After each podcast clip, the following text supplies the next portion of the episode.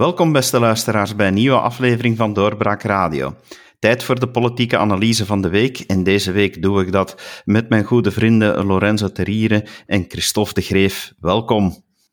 Dag David. Lorenzo, we hebben eindelijk de peiling gehad. Raar maar waar, een weekje later dan we die eigenlijk verwacht hadden. Mhm. Maar daarmee hebben we natuurlijk wel recente feiten mee opgenomen in de peiling. En het is toch wel een beetje een verrassende peiling, vind ik. Ik weet niet wat jij ervan vindt. Klopt, David. Het is zeker voer voor de analisten. Je hebt gelijk dat we tegenwoordig maar een beperkt aantal peilingen nog eh, te zien krijgen. Je kunt die peiling van het laatste nieuws van twee kanten bekijken, denk ik. Eerst en vooral heb ik een paar keer moeten denken aan, aan, aan Siberië, aan een bevroren landschap. Als je dat wat van ver bekijkt, die peiling, zou je eigenlijk kunnen zeggen dat het landschap in grote lijnen eigenlijk bevroren is sinds het einde van die federale formatie in 2020, sinds het najaar 2020, liggen de grote partijenverhoudingen eigenlijk min of meer vast. Maar natuurlijk, als je binnen de marges gaat kijken, dus als we wat, uh, wat meer dichterbij gaan kijken op die peiling, dan zijn er toch wel een aantal duidelijke bewegingen. En als je die tweede kant wat, wat meer tegen het licht houdt, dan zie je zelfs een aantal switches. Hè. Dan, dan zie je dat N-VA dat leiderschap terug overneemt voor het eerst sinds uh, mei 19. Dus dat is toch al eventjes geleden dat N-VA als grootste partij daaruit komt uit die poll. Uh, en dat het Vlaams Belang dan eigenlijk een prijs betaalt. Uh, een prijs betaalt voor, voor die dubieuze houding tegenover het, het, het Poetin-regime, tegenover Rusland. Terwijl PvdA daar misschien vandaag nog niet een prijs voor betaalt. Wat dat je ook vaststaat, sinds de formatie 2020 beklonken werd, uh, is het toch wel duidelijk dat CD&V en VLD een tik hebben gekregen. Een tik hebben gekregen en dichter naar die 10% zijn eh, gevallen. Terwijl anderzijds die andere traditionele partij vooruit een duidelijke sprong voorwaarts heeft gemaakt. Weliswaar bescheiden, maar toch is daar een patroon aanwezig. Wat dat deze peiling volgens mij vooral duidelijk maakt, is dat de rechtlijnigheid echt wel een waarde heeft voor mensen flipfloppen over thema's, eh, zoals bijvoorbeeld de dubieuze houding van het Vlaams Belang over Rusland, zoals groen over de kernuitstap, dat kost toch wel punten, denk ik dan. Hm. Ik zou uh, ehm, N-VA en Vlaams Belang spelen inderdaad haasje over.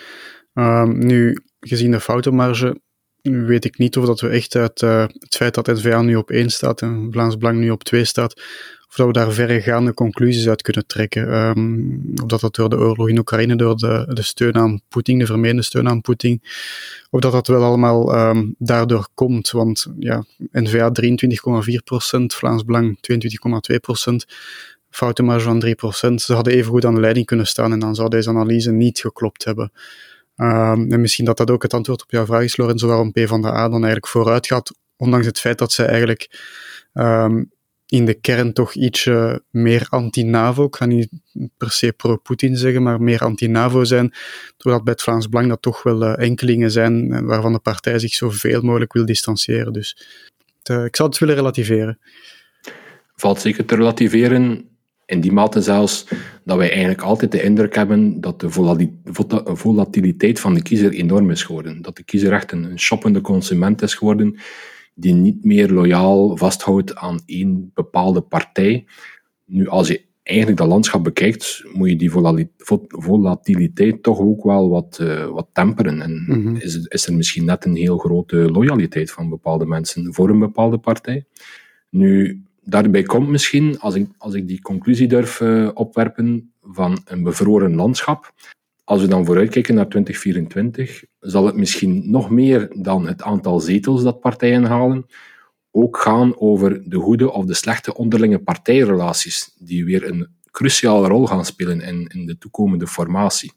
Dat zou wel eens veel belangrijker kunnen worden. In welke mate kunnen partijen nog met elkaar door dezelfde deur? Mhm. En dan zal dat een werk van elke dag zijn voor partijen in de meerderheid en in de oppositie om toch al onder die waterlijn banden te gaan smeden of een bepaalde, een bepaalde verstandhouding te gaan creëren. Dat is iets wat dat in het verleden vaak gebeurde in de Belgische politiek, dat partijen, zeker de traditionele partijen, onder de waterlijn met elkaar in gesprek bleven, terwijl ze in de arena natuurlijk elkaar bekampten. ik vrees dat dat de afgelopen jaren wat minder is geweest. Eenmaal dat u in de oppositie verzeild geraakt, uh, gelijk welk beleidsniveau, is het nogal snel de reactie om sterk op de strepen te staan en te weinig te investeren in die goede partijrelaties met effectief uw concurrenten. Mhm. als, als ik misschien nog één ding mag toevoegen, die goede partijrelaties, altijd interessant om te kijken naar Antwerpen. Uh, dat is vaak een trendsetter geweest in de coalitievorming in het verleden voor, voor nieuwe fenomenen die opkomen. En daar zie je vandaag in het stadsbestuur dat Vooruit en N-VA een nipte meerderheid hebben. Misschien kan dat een vooruitspiegeling zijn voor wat nog komt. Mm Dat is het gerucht ook, hè, dat N-VA en Vooruit uh, dichter naar elkaar toe groeien, omdat die achter de schermen met, uh, met uh, goede gesprekken, verkennende gesprekken bezig zijn. Het zijn geruchten, maar ja, zoals zo vaak met geruchten, er zal wel iets van aan zijn. Mm Waar je natuurlijk ook rekening moet, moet, houden, volgens mij, is dat eh, wat jullie daarnet zeiden over NVA en Vlaams Belang, oké, valt binnen de foutenmarge. Ik denk ook dat we wel kunnen zeggen dat dat voor een stuk communicerende vaten nog altijd blijken te zijn. Wat er bij de mhm. ene bijkomt, is ongeveer wat er bij de andere afgaat. Ja, er is ook wel wat onderzoek dat eigenlijk in die richting wijst. Niet in het minst die, die verkiezingsoverwinningen van NVA, waarbij dat een derde van de stemmen in Vlaanderen werd binnengehaald zeker in 2014 was dat voor een belangrijk deel te wijten aan, aan effectief het Vlaams Belang dat daar een, een, zware tik kreeg. Nu, dat zijn communicerende vaten, maar niettemin, wat we moeten beseffen is dat peilingen eigenlijk uh, het oppervlaktefenomeen zijn. Maar dat zijn eigenlijk de netto-stromen van de kiezers. Hè. Dus netto gaan er altijd eh, een aantal kiezers van het Vlaams Belang of naar NVA of omgekeerd. Maar onder die netto-stromen zitten vooral ook heel veel bruto-stromen. Er zijn heel, heel veel kleinere in- en uitstromen van, van, van NVA naar verschillende partijen en omgekeerd. Dus het is altijd belangrijk om bij peilingen te kijken naar de oppervlakte, maar ook alles wat daaronder ligt. Dat wordt ook wel normaal niet in kaart gebracht. De, de bruto-stromen van hoeveel komen er binnen en hoeveel verlies je aan elke partij. Dat is eigenlijk zelfs nog een, een belangrijkere waardemeter. En daar is het toch ook een genuanceerd verhaal. Dus in totaal haalt N-VA en Vlaams Belang continu 40 à 45 procent van de stemmen, als je zo vrij bent om die twee eh, op te tellen bij elkaar. Maar je stelt wel vast dat dat niet altijd over dezelfde 40 à 45 procent van de mensen gaat. Er zitten op een bepaald tijdstip andere personen in die dan toch wel weer uitstromen of toch wel weer toekomen. Dus, dus dat is een, eigenlijk wel een genuanceerd verhaal. Mm Wat ik wel opvallend vind, is dat je... Ehm, ja, N-VA en Vlaams Belang spelen haasje over. Je komt aan ongeveer 45% grosso modo, elke peiling alweer opnieuw bij, voor beide partijen. Het zijn dan misschien niet altijd dezelfde kiezers die verwisselen, maar je hebt altijd een potentieel van 45% voor beide partijen. Als je dat vergelijkt met uh, Franstalig België en Wallonië, daar is het, uh, het speelveld op zich veel interessanter, omdat daar, uh, je zit daar met een P van de A die eigenlijk de twee grootste partijen, PS en MR, aan het inhalen is. Het zit ook binnen de foutenmarge. PS 22,4%, MR 20,1%, PvdA 19,7%. Dus uh, het zou wel eens kunnen dat PvdA wel virtueel ook de grootste partij al aan het worden is van Wallonië. Uh, en dat, dat een scheiding tussen, tussen wat in Vlaanderen bijvoorbeeld NVA, VVB aan de ene kant en de traditionele partijen anderzijds, dat je die in Wallonië niet meer hebt. In Wallonië is het speelveld open, in Wallonië is het echt een, uh, ja, spannend eigenlijk. Je zit daar eigenlijk met drie à vier partijen van dezelfde grootorde, als, als ik het goed begrijp.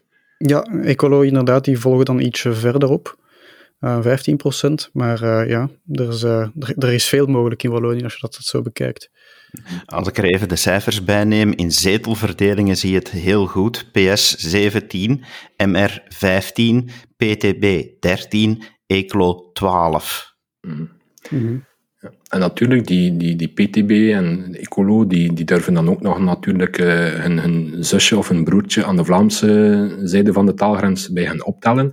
En als je voor de, ja, de P van de A de, optelsom maakt, dan is de, de communistische partijfamilie groter dan de liberale partijfamilie in de vooruitspiegeling van de zetelverdeling. Die, dat is toch wel uh, opmerkelijk dat eigenlijk een van de grote slachtoffers uh, van die peiling effectief de VLD is, die van 12 naar 7 zetels gaat. Dat is natuurlijk wel aangekomen ook. Dat is ook in de media gekomen, dat daar nu wel enige discussie is geweest intern, van hoe gaan we hier eigenlijk mee verder. Dus je merkt dat die tweespalt in de aanpak uh, steeds prangender wordt. Misschien ook uh, nog erop wijzen dat ja, dat, dat dat neergaande effect bij het Vlaams Belang, voor wat het waard is, toch ook wel niet onproblematisch is voor de partijvoorzitter. Ben er nogal van overtuigd dat, dat Tom van Grieken in 2019 eigenlijk een, een kans heeft gemist om eigenlijk enkele moeilijke partij, personeelskeuzes te maken die zijn partij min of meer salonveeg zouden kunnen maken. Hij heeft daar niet op ingegrepen. En wat hij nu al vaststelt, is dat dat hem voor het eerst persoonlijk echt wel punten begint te kosten. Hè. Want in die poppol, die persoonlijkheidstest, zakt hij toch wel ettelijke plaatsen. Dat is niet omdat Tom van Rieken opeens eh, minder eh, performant is geworden, maar omdat hij de afgelopen weken, maand, ook wel in het defensief is gedwongen om zich te verantwoorden voor ja, zaken die andere partijfiguren eigenlijk hebben uitgestoken in het verleden of in het recente verleden. En waarvoor hij nu persoonlijk de verantwoording eh, wordt geroepen. Ik had eventjes gedacht in 2019 dat hij daar vooruitziend zou in zijn en dat hij daar toch ja, enkele moeilijke personeelskeuzes zou maken. Het probleem is dat hij daar nu waarschijnlijk wat meer vast aan zit.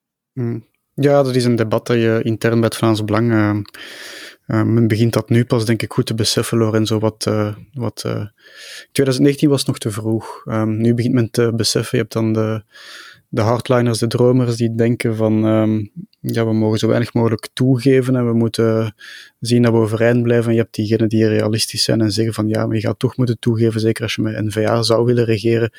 Waardoor je dan uiteindelijk ooit wel eens in een NVA-scenario terechtkomt. Dat, uh, dat je het natuurlijk moeilijk krijgt, omdat je je, uh, je waarden niet volledig hebt kunnen verdedigen.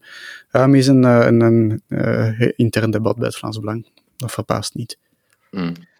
Wat ook opvallend is, uh, ja, je kan vaststellen, het is op, voor Vivaldi op federaal niveau is het uh, toch wel een afstraffing ook, van 88 naar 79 zetels, virtueel uh, weliswaar. Maar oké, dat is nog altijd een meerderheid. Maar als we dan het uh, stapje maken naar de Vlaamse zetelverdeling op basis van deze peiling, dan kan je niet anders dan vaststellen dat deze Vlaamse regering niet eens meer een meerderheid heeft, want die zakken samen weg naar 57 zetels. Mm -hmm. uh, op 124. Dus uh, ja, de, de huidige Vlaamse regering kan in de huidige constellatie niet verder op basis van deze peiling. Dat lijkt mij ook uh, problematisch te worden. Eigenlijk zelfs zorgwekkend als je dat cijfer neemt van die, die, die echte minderheidspositie. En dan ook nog eens het politiek vertrouwen dat werd gepeild, eens tegen het licht houdt. Blijkbaar zijn er nog drie op tien Vlamingen die vertrouwen hebben in de Vlaamse regering Jan Bon. Terwijl vijf op tien Vlamingen nog vertrouwen hebben in de federale regering De Croo.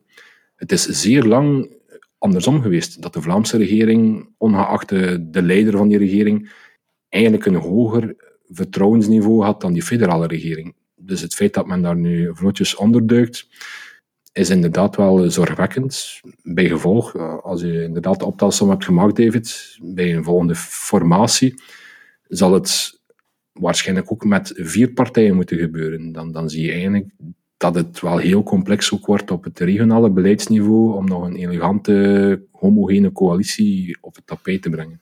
Ja, jouw metafoor van bevroren is. Ja, jouw, jouw uh, metafoor van bevroren landschap is nog niet zo slecht gevonden, Lorenzo. Het is. Uh, Siberië.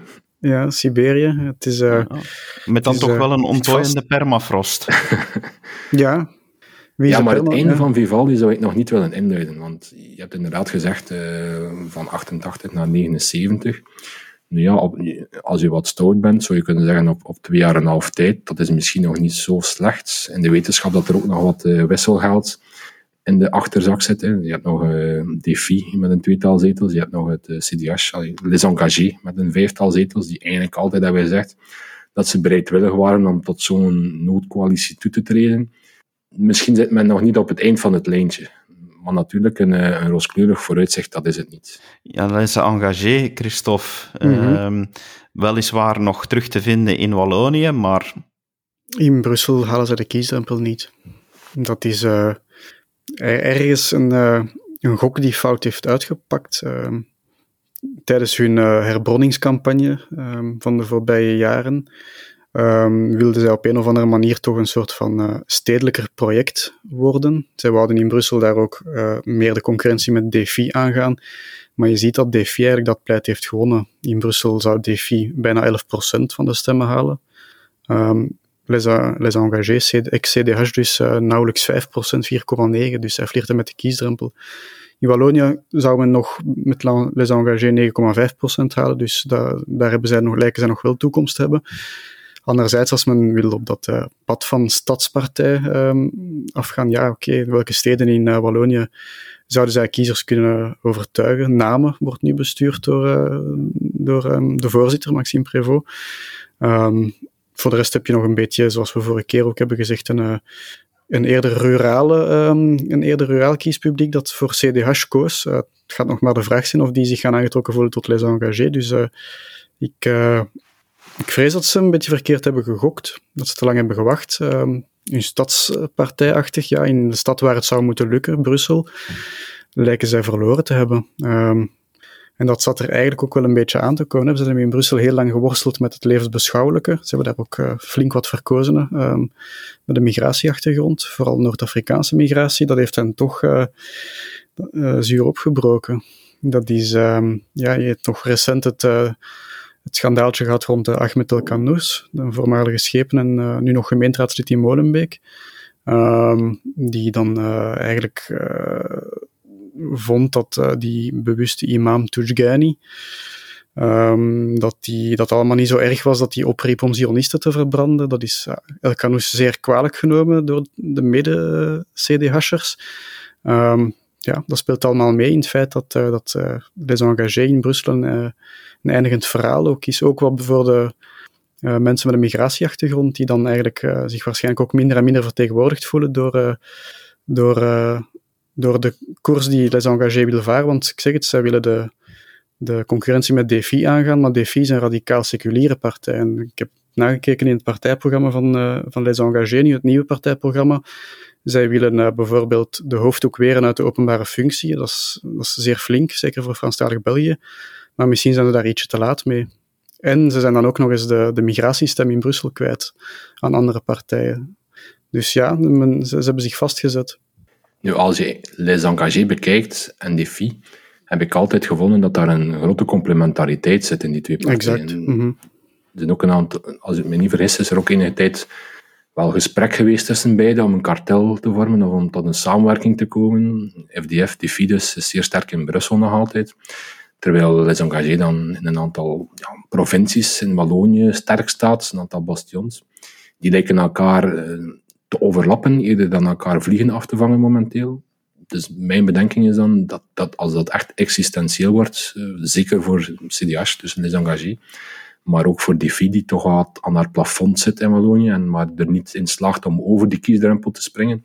Als dat echt existentieel is, moet men overwegen om, om de krachten te bundelen, denk ik dan. Ja, nu, als het zo blijft verder gaan, dan de sterkere parlementsleden, federaal dan van Les Engagés, en er zijn er wel een, ze zijn een kleine fractie, maar er zitten wel een paar eh, degelijke parlementsleden bij, zoals Georges d'Allemagne. Uiteindelijk zullen ze wel een andere partij moeten kiezen. Um, die mensen hebben veel politiek kapitaal. Um, dat zal er eens anders ten dienste kunnen komen.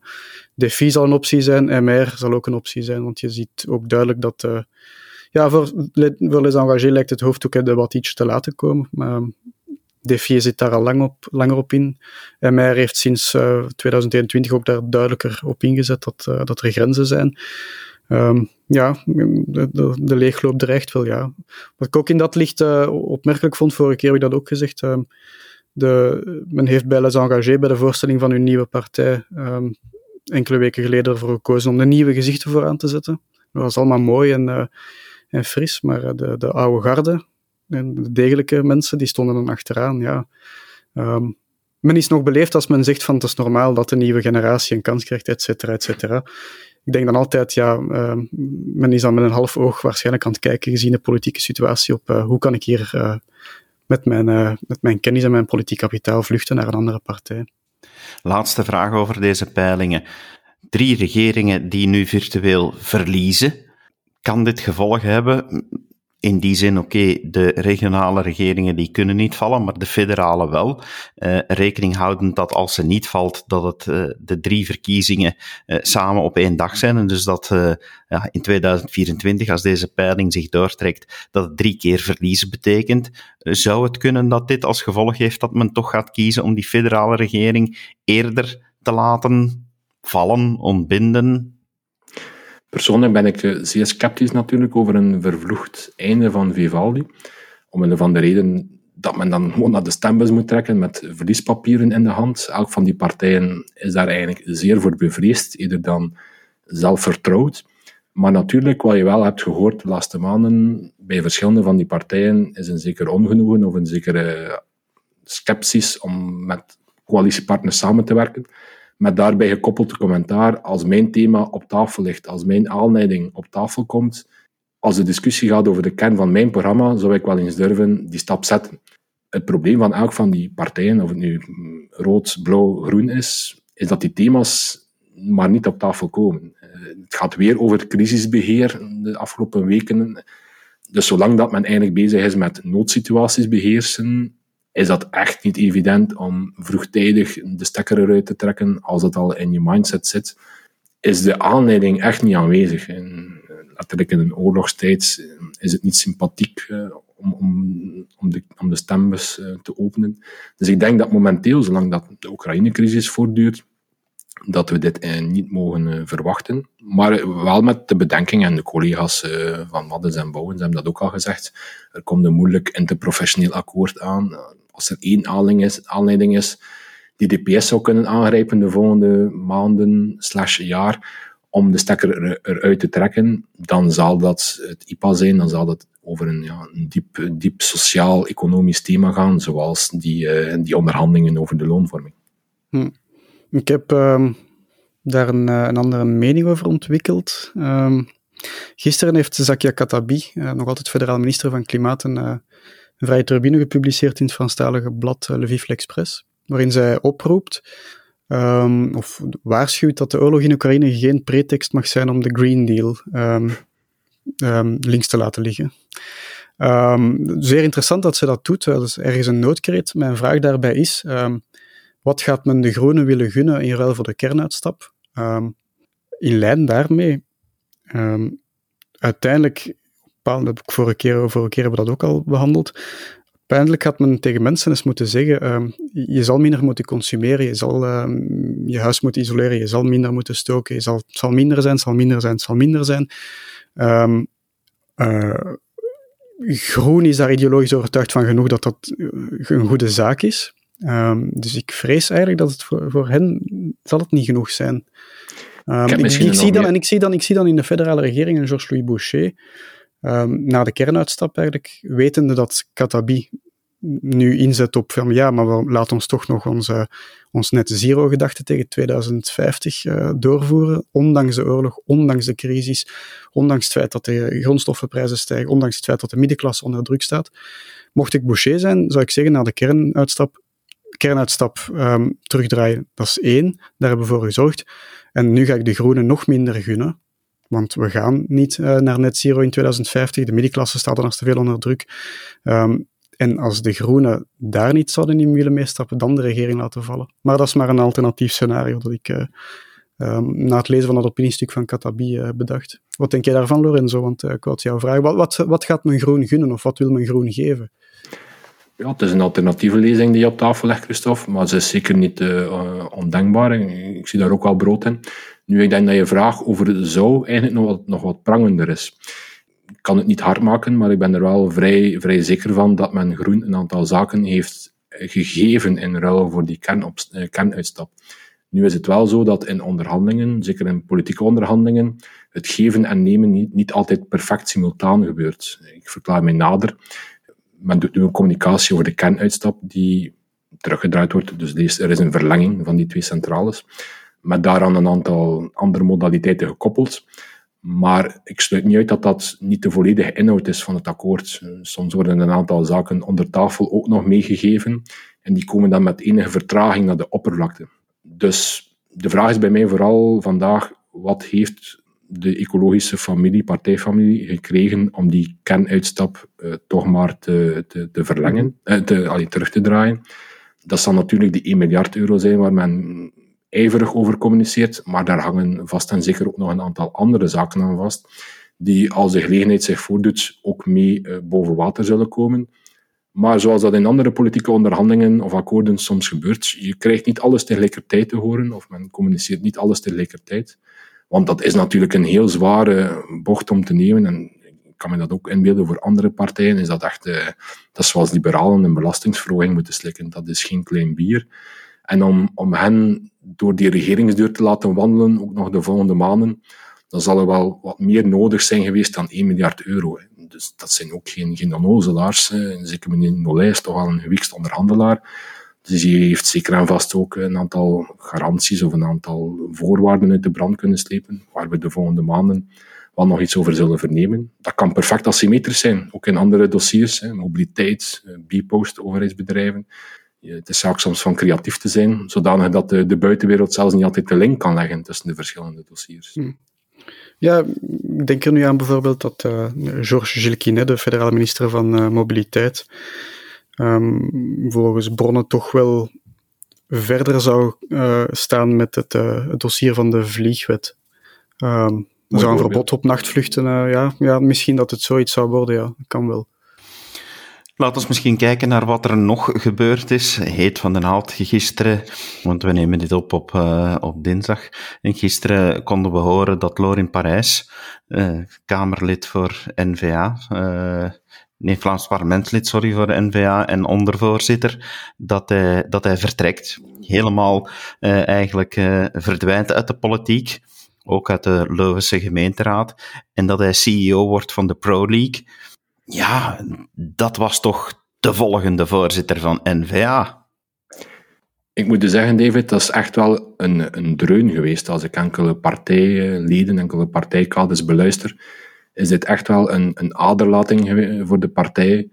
Een, een donderslag bij heldere hemel. Ik, geef maar wat, wat quotes. Hè. Uh, het klopt inderdaad, het is snel en onverwacht dat, ons, uh, dat, dat opstappen of dat vertrek. Uh, nu natuurlijk als je verschillende bedroevende berichten binnenkrijgt, dan is het al vrij snel duidelijk dat, dat door in Parijs effectief breed gedragen en breed geapprecieerd werd binnen de partijgeleden. Dat kan enige verbazing wekken, want eigenlijk is dat een laatkomer in de partij. Iemand die pas in 2013, denk ik, is, is effectief toegetreden. We kennen hem ook van een verleden in de ondernemerswereld. Medeoprichter van Flanders DC, platform voor creativiteit en innovatie. Dus als zo iemand erin slaagt om het vertrouwen te winnen van de absolute inner circle van de NVA. Een handvol mensen die elkaar al kennen van de Antwerpse studententijd en van hun, uh, hun verleden aan de KU Leuven. Als hij erin slaagde om die afgelopen jaren in die inner circle toe te treden, dan is dat eigenlijk wel een teken van competentie, want er zijn er veel helemaal niet in geslaagd. En als je die verschillende bedroefde berichten binnenkrijgt, dan, dan stel je vast dat dat dat vertrek misschien iets groter is qua impact dan de buitenwereld momenteel signaleert. Het is inderdaad eh, de ondervoorzitter samen met Valerie van Peel. En wat vooral belangrijk is, is om dat profiel van die ondervoorzitter goed voor ogen te houden. Want wat was Lorin Parijs eigenlijk een, een echte een verbindingsofficier? Dat was iemand die, en ik ga misschien ook een stapje terugzetten naar de conclusie van de peiling, een, verborgen, een bevroren landschap, hebben, hebben we gezegd het zal misschien het zal niet altijd gaan over het aantal zetels die de partij behaalt, maar wel over het investeren in goede partijrelaties met andere partijen. Wel, wie was Lorin Parijs? Dat was een verbindingsofficier, iemand die onder de waterlijn heel wat contacten had met mensen van andere partijen, met toppers van middenveldsorganisaties, organisaties die niet zo associëren met de partij NVA. Hij nam heel wat operationele zaken over van de echte partijvoorzitter. Hij zorgde er eigenlijk voor dat heel wat taken van de partijvoorzitter naar hem gedelegeerd werden, waardoor er nu eigenlijk een organisatorisch en operationeel gat is geslagen in die partij. Een gat dat er bij verrassing is gekomen, want weinig mensen zagen dit aankomen. Een gat dat niet onmiddellijk kan opgevuld worden door eender wie anders. Want uh, inderdaad, Lorin was eh, of is uh, toch wel bekwaam in een aantal zaken. Dus als je dat allemaal bekijkt, dan zal dat niet, efficiënt, niet evident zijn om, om die schoenen te gaan vullen. En dan denk ik toch dat je, als de vacature voor, voor ondervoorzitter binnenkort vrijkomt, hè, want er zal dus een, nieuwe stemming uh, plaatsvinden in een volgende partijraad, dat je het juiste profiel moet hebben. Dus dat zal zeer belangrijk zijn, denk ik, dat je het juiste profiel hebt als, uh, in de casting voor de rol. Om het eenvoudig te zeggen, je gaat niet James Bond vragen om Assepoester te spelen. Hè. Dus het zal echt wel iemand moeten zijn die ondervoorzitter is, namelijk iemand die de brokken lijmt, iemand die de bruggenbouwer is tussen lokale afdelingen. Ik heb in het verleden nog gezegd en geschreven, ondervoorzitters, dat zijn eigenlijk de werkpaarden van de partij. Dat is het motorblok onder de Formule 1-bolide. Dus als, uh, als, als Max Verstappen wereldkampioen wordt, dan past er effectief maar één persoon in dat zetje van die Formule 1-bolide. Het is al zeer krap. Wat de ondervoorzitter doet, is eigenlijk ervoor zorgen dat die ene grote figuur, dat uithangbord van de partij, de, de partijvoorzitter, die het gezicht is van de partij, dat die volledig kan scoren. Ondervoorzitters, die werken in de schaduw, die stellen zich als het ware ten dienste van die partijvoorzitter. Die gaan echt onder de waterlijn contacten proberen aan te knopen met concurrenten, met andere politieke partijen, om meerderheden te vormen en in stand te houden in lokale afdelingen ten velde. Een ondervoorzitter, heb ik begrepen, een goede ondervoorzitter is iemand die in de partij zelf zorgt dat de kerk in het midden blijft staan, die uh, pendelt tussen, tussen personen in de partij, die zorgt dat er akkoorden worden gesmeed. Dus als ik dat allemaal wat opsom, dan hoop ik niet dat de functie zal worden ingevuld om als hefboom te dienen voor individuele, individuele promotie, voor persoonlijke campagne of profilering. Want dan vrees ik, dan vrezen een aantal partijkaders, dat de partij echt wel uh, in een scheuring uh, zou kunnen terechtkomen. Hm, een scheuring tussen wie en wie, Lorenzo? Wel, waar, waar je natuurlijk moet voor opletten, is, is dat interne verdeeldheid die in elke partij aanwezig is, dat die meer naar de oppervlakte komt. N-VA gebruikt graag het beeld van de gesloten, de gesloten phalanx. Ja. En dat houdt tot op vandaag stand, want we horen eigenlijk vrij weinig over de, de, de onderlinge debatten die gaande zijn. Maar natuurlijk, dat is maar bij de gratie van een aantal bruggenbouwers, een aantal brokkenlijmers, die, die intern eigenlijk heel wat onaangenaam of onpopulair werk verzetten in de schaduw om die phalanx in stelling te houden. Als u daar een aantal sleutelspelers wegneemt uit de inner circle en die vervangt voor mensen met een andere instelling of met een ander profiel, een profiel dat niet past in de functie van ondervoorzitter, dan zou die, eh, dan zou die machinerie wel eens ernstig kunnen beginnen haperen en zelfs uh, bepaalde gebreken beginnen vertonen. Dat is toch wel de vrees die die wij verschillende mensen vandaag leeft. Dan denk je waarschijnlijk terug aan het moment waarop deze twee ondervoorzitters werden gekozen en dat iedereen, of dat velen, niet iedereen, maar dat velen verbaasd opkeken dat Theo Franke het niet gehaald heeft. Uh, Komt er dan nu een herkansing voor hem?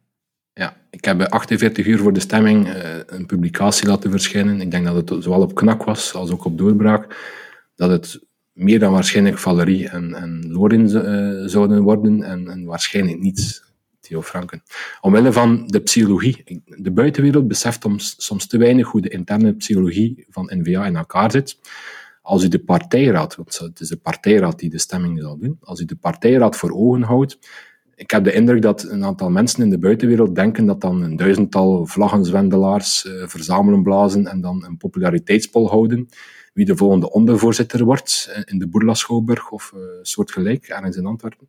Niets is minder waar. Hè. Dus eh, de partijraad is de verzameling van een aantal tientallen lokale bestuurders. Mensen met een groot verantwoordelijkheidsgevoel, een zekere zakelijkheid, die ook ervaringen hebben gehad in het verleden met de volksunie. Velen hebben een lange sluier, een lange geschiedenis mee.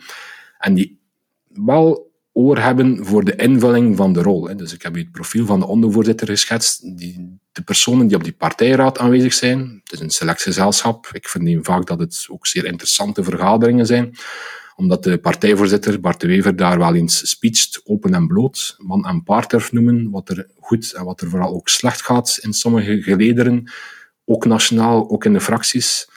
Dus die psychologie van de stemming moet je goed voor ogen houden. Door in Parijs heeft dat niet nipt gewonnen, die stemming. Dat was met een duidelijk verschil. Hij haalde een vierde of een vijfde meer stemmen dan, dan Theo in eerste lijn. Ehm, Christophe, verwacht jij dat daar, uh, dat daar nog gevolgen gaan zijn van het feit dat, er, dat hij nu plots vertrekt, dat Lorin weg is? Wat we nog niet hebben besproken is dan het feit dat men naast een, uh, een ondervoorzitter natuurlijk ook wel een, uh, een kopstuk in Leuven verliest. Het is, uh, ik, ik, had het kunnen. Ja, Leuven is natuurlijk geen onbelangrijke stad. Uh, Antwerpen en Gent zijn natuurlijk uh, belangrijker, Lorenzo, dat, dat weten we alle twee. Maar ik, ik, zag in Lorin Parijs meerdere dingen. Hè. Het verbaast me niet zozeer dat hij voor een andere carrièrewending kiest. Dat is ook namelijk het traject dat hij al heeft afgelegd. Hij komt uit de ondernemingswereld. Hij zal dat missen. Hij zal misschien het gevoel hebben dat men, uh, dat men in de politiek toch niet uh, volledig aan zijn verwachtingen voldoet. Enfin, dat weet ik niet. Ik kan niet in zijn hoofd kijken. Maar met Parijs verliest men wel iemand die het mogelijk wel eens zou tot burgemeester van Leuven had kunnen schoppen. Valt nu hmm. weg. Ja, ik weet nu niet uh, wat, uh, wat meneer Leuven denkt, uh, denkt te doen. ja, wie moet Theo Franke verhuizen naar Leuven dan alsnog? En daar een campagne beginnen maken? Zal men zeker de Biezer? Ja, heeft toch, die toch de voorbije COVID-crisis zich heeft opgewerkt als een, een, een, degelijke wetenschapper, die dan ook nog eens NVA'er is. Um, is die uit dat hout gesneden om, om een leidende rol te gaan spelen bij NVA in Leuven? Ik weet het niet, maar het is, dat aspect verbaast mij misschien nog meer dan het ondervoorzitterschap. Maar dat is ook puur... ja, ik, ik, ik, zag, ik zag Parijs, zoals ik daar straks zei.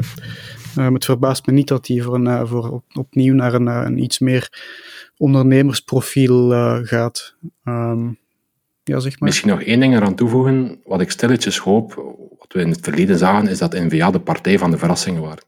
Die kwamen in het verleden opeens met een, eh, een totaal nieuw kopstuk, als Siegfried Brakken naar boven. Die brachten een schandaaldossier als het ACW naar boven. Die, die deinsden er niet voor terug om iemand nieuw te lanceren. Wat je, ja, wat je nu al ziet, is dat die verrassingen wat minder frequent voorkomen bij die partij. Dus misschien is dit toch wel een moment om nog eens verrassend uit de hoek te komen. We hebben het de vorige podcast gehad over een gebrekkig vrouwelijk leiderschap aan het hoofd mm. van verschillende partijen. Het is mm-hmm. sindsdien nog wat erger geworden zelfs. Maar wat er natuurlijk wel aanwezig is, is een, aantal competente dames die de afgelopen tijd wat minder, wat minder uh, kansen hebben gekregen. Daar ben ik van overtuigd. En die, ja, die wel het profiel hebben van coöperatief te zijn, van empathisch te zijn. En die misschien wel, die eigenlijk wel de kans verdienen om die verrassing te zijn. Met dat je nu zegt, uh, minder vrouwelijk leiderschap, dan denk ik natuurlijk meteen ook aan uh, Meram Al-Machi. Vorige week met, met de opname met jullie twee collega's bij Doorbraak zaten we er net bovenop. Het was nog maar net aangekondigd. Um, als we nu even kijken naar de reacties op het ontslag van Al-Machi. Um, ja, men spreekt over haar erfenis, uh, men schuwt hier en daar grote woorden niet, maar er wordt toch heel hard gespeculeerd wat de toekomst gaat zijn en voornamelijk wie die toekomstige voorzitter of voorzitter gaat worden. Klopt natuurlijk. Eh, zij, zij laat een bepaalde erfenis na. De vraag is hoe groot eh, is die. Als, als ik de persconferentie bekeek, had ik soms de indruk dat George Lekens aan het spreken was. Die zei 95% van het werk is gedaan als bondscoach van de Rode Duivels. En nu is het dan de volgende. Terwijl dat zeker nog niet 95% was van de zaak. Nu, in Parijs vertrekt volgende week. Almaty blijft nog zitten tot, tot de zomer. Dus qua urgentie is het vertrek van Loor in Parijs, Parijs dan bijvoorbeeld veel prangender dan het vertrek van Almaty, die effectief nog tot de zomer zal blijven. Of zij nog kan functioneren in die rol, daar stel ik mij ernstige vragen bij. Het vertrek zelf vond ik toch wel wat stuntelig. Als je dan eigenlijk ziet, een partij als Groen die staat er toch wel op om altijd verbindend en, en zacht te communiceren. Dat erkent vriend en vijand.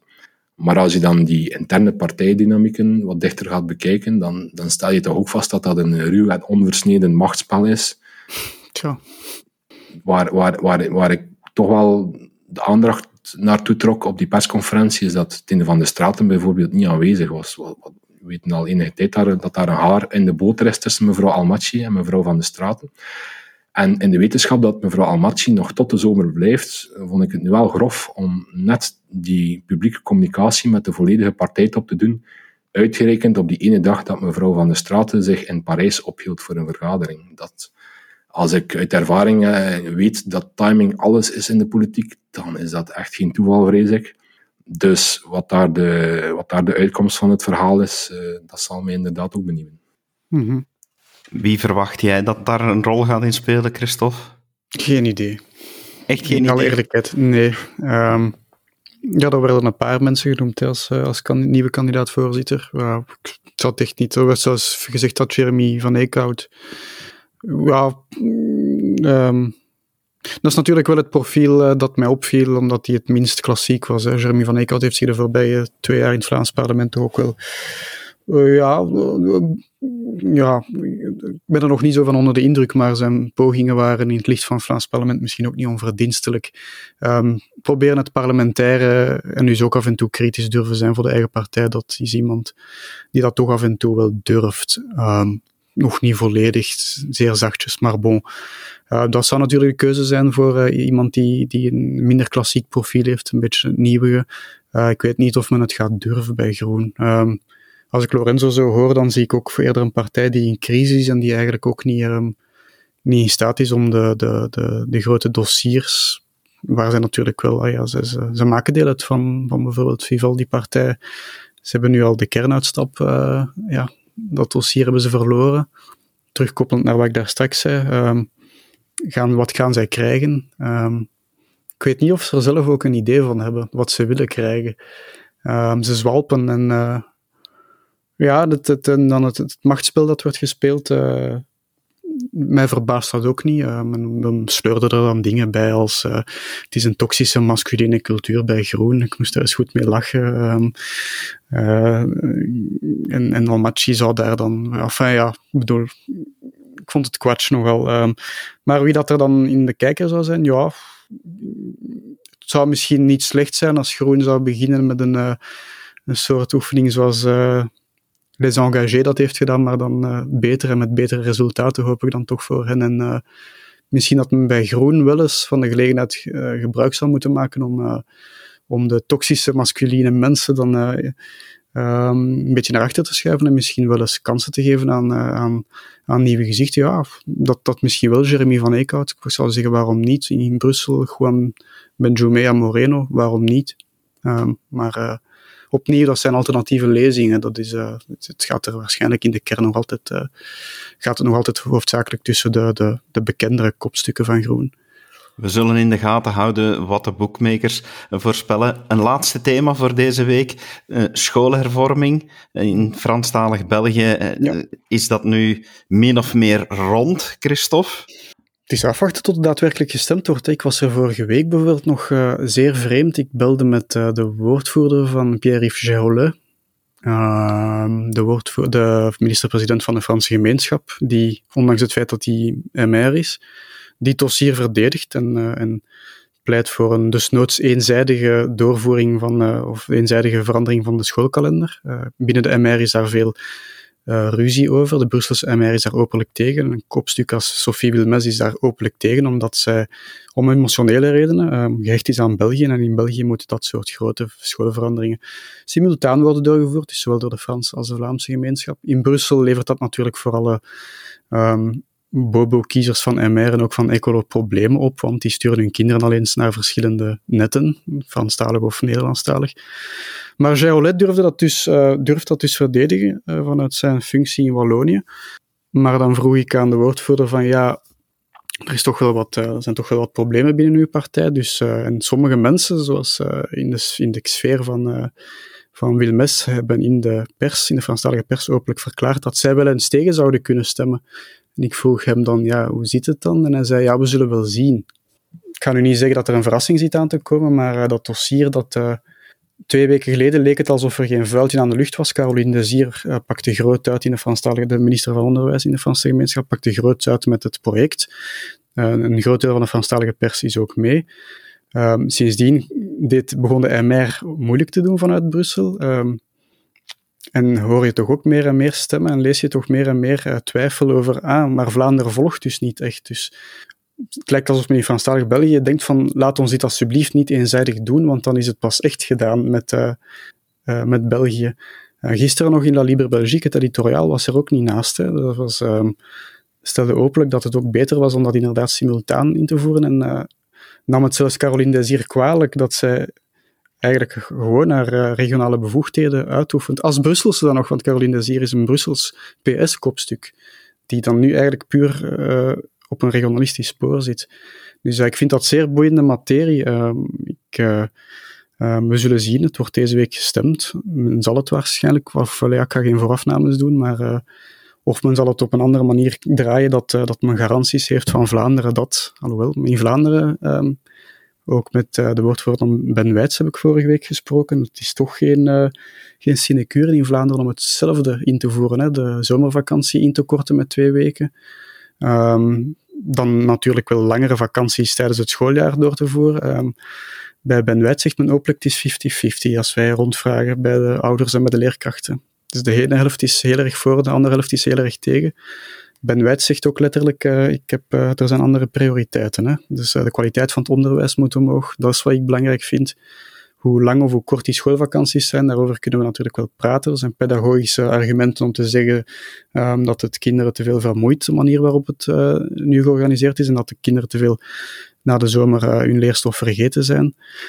Ja, maar ik heb niet de indruk dat Ben Wijts daar een prioriteit van wil maken. En men zei letterlijk, ten vroegste in het schooljaar 2023-2024. En dan weten we natuurlijk allemaal dat men het gewoon over de verkiezingen wil tillen. En dat men in Franstalig België dan ja, het waarschijnlijk wel eenzijdig zal invoeren. Maar het protest zal wel blijven in Franstalig België. Het meest opvallende dus, Lorenzo, is dat we een regionalistische reflex zien, maar dan nu aan de andere kant van de taalgrens je neemt me de woorden uit de mond, want eh, in een sfeer van coöperatief federalisme zou je verwachten dat er dan samenwerkingsakkoorden groeien tussen de regio's om een eenvormig en eenduidig beleid te voeren. Maar zoals je zelf ook signaleert, David, ik vind het eigenlijk helemaal niet zo erg dat een regio op basis van de informatie die haar toekomt, er niets uh, voor terugdeinst om eigen keuzes te maken. Dus eigenlijk wat men in Waals uh, contraien doet met haar bevoegdheden, kan ik alleen maar toejuichen. En als daar enige pedagogische evidentie voor is, als er blijkbaar inderdaad een, eh, een vermoeidheid is voor kinderen, en zeker voor de meest kwetsbaren, als je die, mensen, die, die jongeren uh, twee maanden thuis zet, als daar empirische evidentie voor is om de zaken eens anders te gaan aanpakken, oh, why not? Ik zou zeggen, uh, ga ervoor. En dan zal het inderdaad aan Vlaanderen zijn om te kijken, moeten wij ons model ook niet aanpassen in het licht van nieuwe inzichten? Houden we vast aan het bestaande regime? Of stellen we ons open? Ik heb nogal een sympathie voor wat men in Wallonië probeert. Ja, als het dan faalt, goed, dan kun je toch nog altijd terugkeren naar de vorige situatie. Vandaag is het uh, Franstalig onderwijs spijtig genoeg niet zo hoog aangeschreven. Dus ik bedenk dat men daar op zoek is naar nieuwe oplossingen, naar nieuwe werkmethoden. Dat stemt mij eerder vertrouwen in, eerder dan wantrouwen. Want op zich zijn er eigenlijk geen redenen om het te laten verschillen. Als we kijken naar onze buurlanden, daar wordt zelfs systematisch gekozen om de vakanties te laten verschillen in diverse regio's. Uh, dus uh, daar zijn ook argumenten te vinden om net het verschil toe te laten.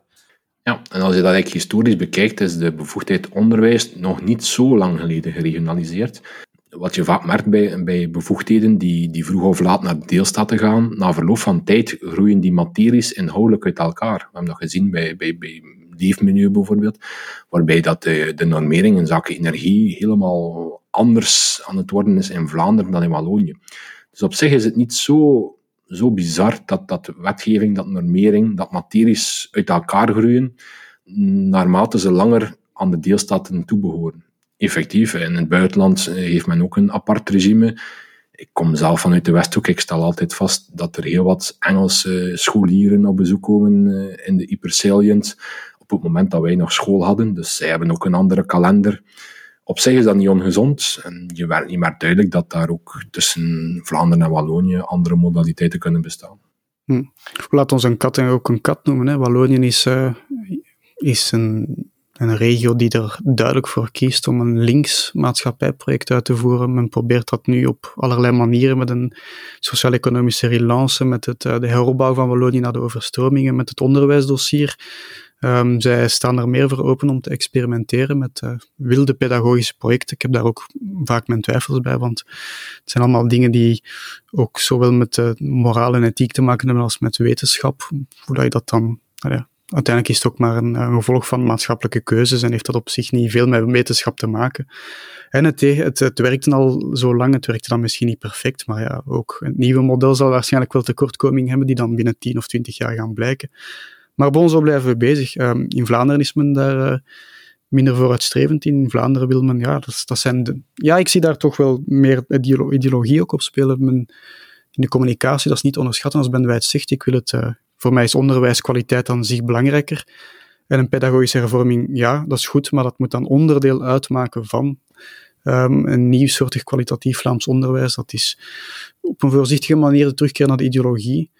En Wallonië, ja, dat is... Uh, men, men heeft de mond vol van samenwerkingsfederalisme, maar vergis u niet, samenwerkingsfederalisme bestaat bij gratie van Vlaanderen. In Wallonië, als het erop aankomt, en dat is altijd zo geweest, um, kiest men ervoor wat men zelf Um, wat men zelf belangrijk vindt en probeert men dat ook uit te voeren. Als men, men zal niet te lang wachten op het federale niveau of op de Vlamingen als het erop aankomt. In Vlaanderen is men uh, misschien emotioneel toch ietsje, um, of institutioneel nog ietsje meer gehecht aan, uh, aan België of aan de gedachte van een zeker België. Dat is een gedachte die we in de toekomst eens verder kunnen uitrafelen, want dat is zeer interessant om daarbij stil te staan. Maar ik wil deze podcast ook pedagogisch verantwoord houden en jullie niet te veel vermoeien. Dus ik denk dat het tijd is om af te ronden. Dankjewel Lorenzo, dankjewel Christophe. Graag gedaan, gedaan. En u beste luisteraar, dank u wel om te luisteren en heel graag tot een volgende keer. Dag. Dit was een episode van Doorbraak Radio de podcast van doorbraak.be. Volg onze podcast op doorbraak.be/slash radio of via Apple Podcasts, Overcast of Spotify. Bezoek ook onze website op doorbraak.be en steun ons door een vriend te worden van Doorbraak.